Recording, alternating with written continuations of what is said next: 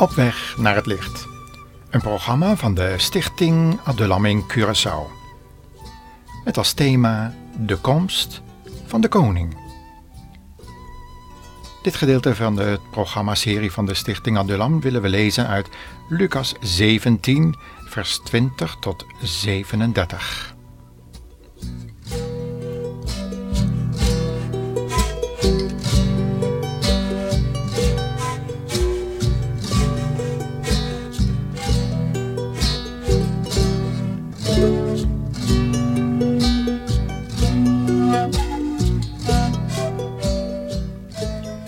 Laatst sprak ik een jonge man die lange tijd weinig belangstelling had gehad voor de inhoud van Gods Woord, de Bijbel dus. Maar door een ingrijpende gebeurtenis in zijn leven, waardoor hij voor een lange tijd zijn normale werkzaamheden niet kon uitvoeren, en hij ook van zijn gezin en familie gescheiden werd, kwam hij opnieuw in aanraking met de Bijbel en begon deze te lezen met name de profetieën die Jezus had uitgesproken over de tijd die vlak voor zijn wederkomst zou gebeuren. En dat sprak hem bijzonder aan. Het kon ook niet anders. Na al die krantenberichten en het bekijken en vergelijken van het wereldnieuws op de televisie met dat wat hij zojuist in de Bijbel gelezen had. En hij kwam dan ook tot de conclusie dat alles wat God gezegd had over het einde van de wereld en de toestand van het hart van de mensen en de steeds naar beneden kerende moraal, en dat het allemaal waar was wat hij had gelezen. Hij kwam tot geloof. Ja, geloof in God en de waarde van de Bijbel, maar nog niet tot zekerheid van zijn behoudenis door het werk van de Heer Jezus op het kruis, ook voor hem. Het was duidelijk dat Gods geest echter hem aan het overtuigen was van zonde, gerechtigheid en oordeel. Maar er moesten nog enkele hindernissen in zijn gevoels- en gedachtenleven opgeruimd worden.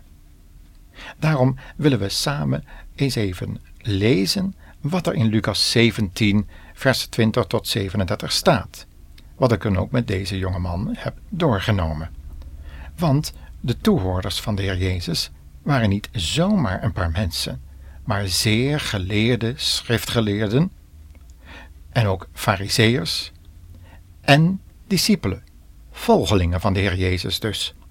En ik neem aan dat de luisteraar ook een volgeling van de Heer Jezus wil zijn.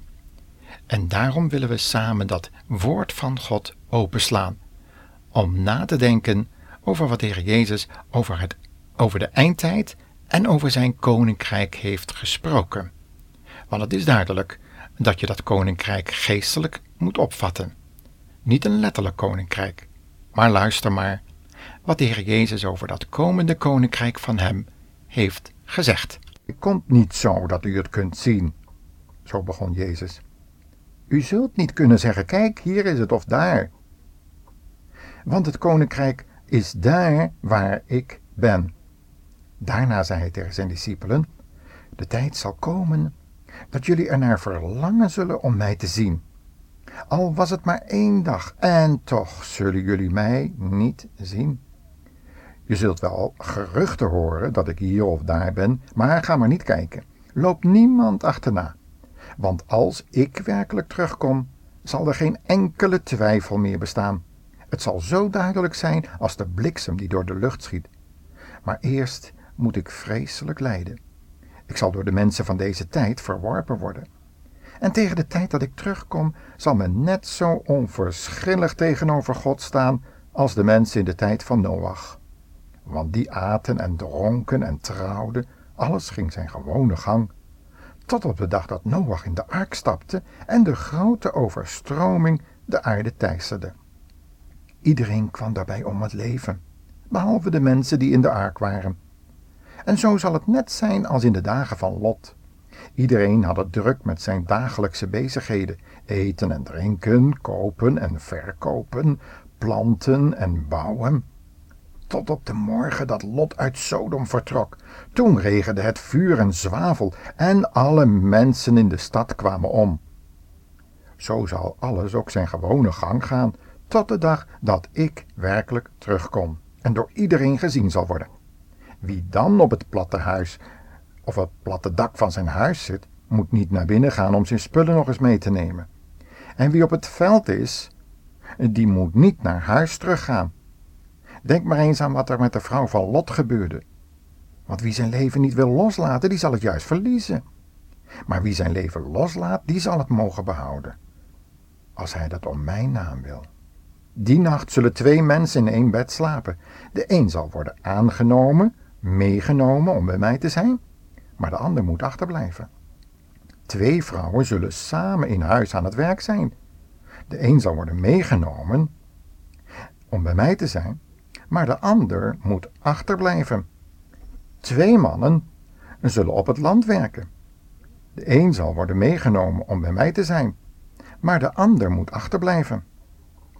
Toen vroegen de discipelen: Maar waar zal dat dan gebeuren, Heer? En Jezus zei: Waar het lijk ligt, daar komen de gieren.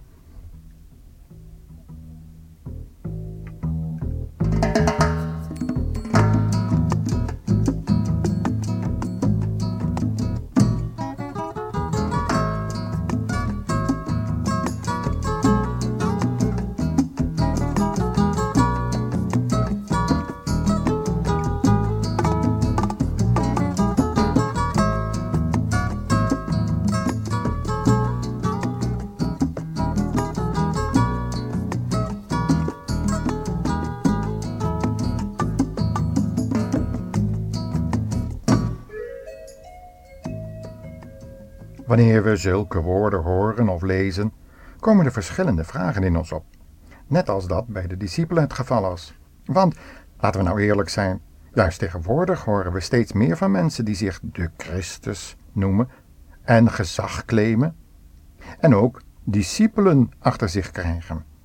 Je hoort gelovigen zelfs zeggen dat ze Gods koninkrijk moeten vestigen op aarde. Jezus moet meehelpen om zijn koninkrijk hier op aarde te kunnen vestigen.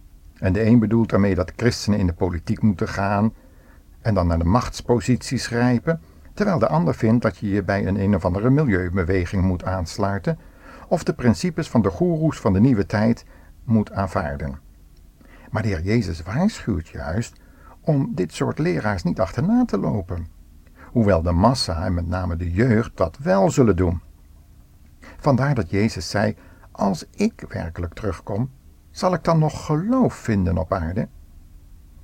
Het is duidelijk dat hij bedoelt het geloof in zijn geschreven woorden, die hij heeft achtergelaten in de Bijbel, niet het geloof in de een of andere profeet of wonderdoener.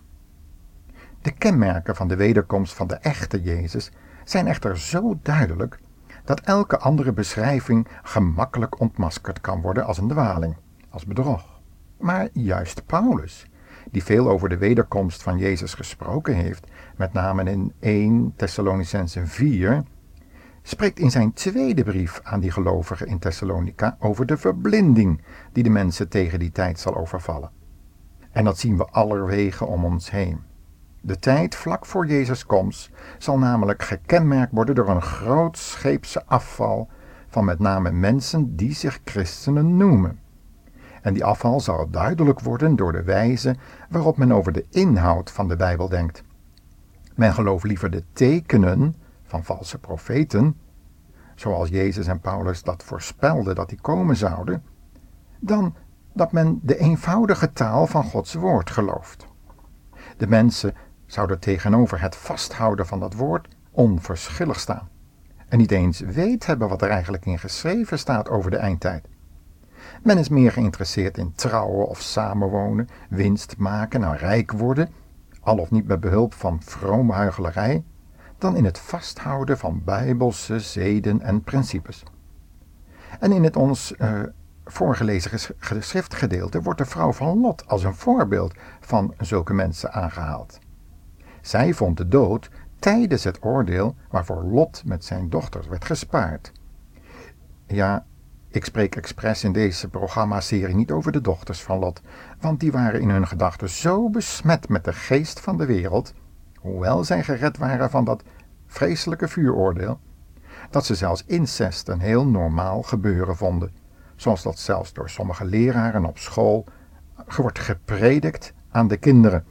En dan zijn er soms slechts twee handen die omhoog gaan met de mededeling: Ik ben blij dat mijn vader zo niet is. Kunt u zich dat voorstellen? Ja, we leven echt in de eindtijd, zoals dat in de tijd van Lot was. En we kunnen de Heer Jezus dan ook spoedig verwachten.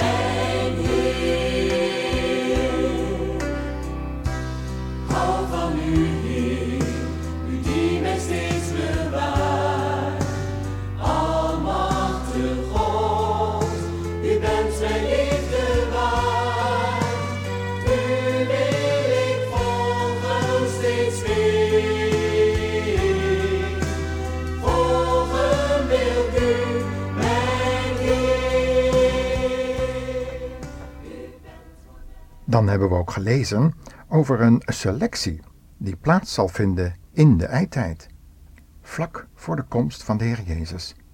Twee mannen of twee vrouwen zullen met hun dagelijkse arbeid drukdoende zijn.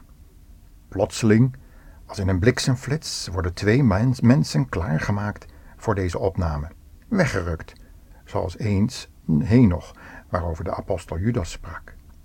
Gelovigen dienen rekening te houden met Gods gedachten en bevelen. En wat betekent dat eigenlijk? Die uitdrukking van de Heer Jezus met betrekking tot die gieren. Ik denk dat deze uitdrukking heen wijst naar het ontzettende wereldgebeuren waarover zowel Jezus als Johannes op Patmos hebben gesproken. Gieren zijn immers daar waar lijken te vinden zijn.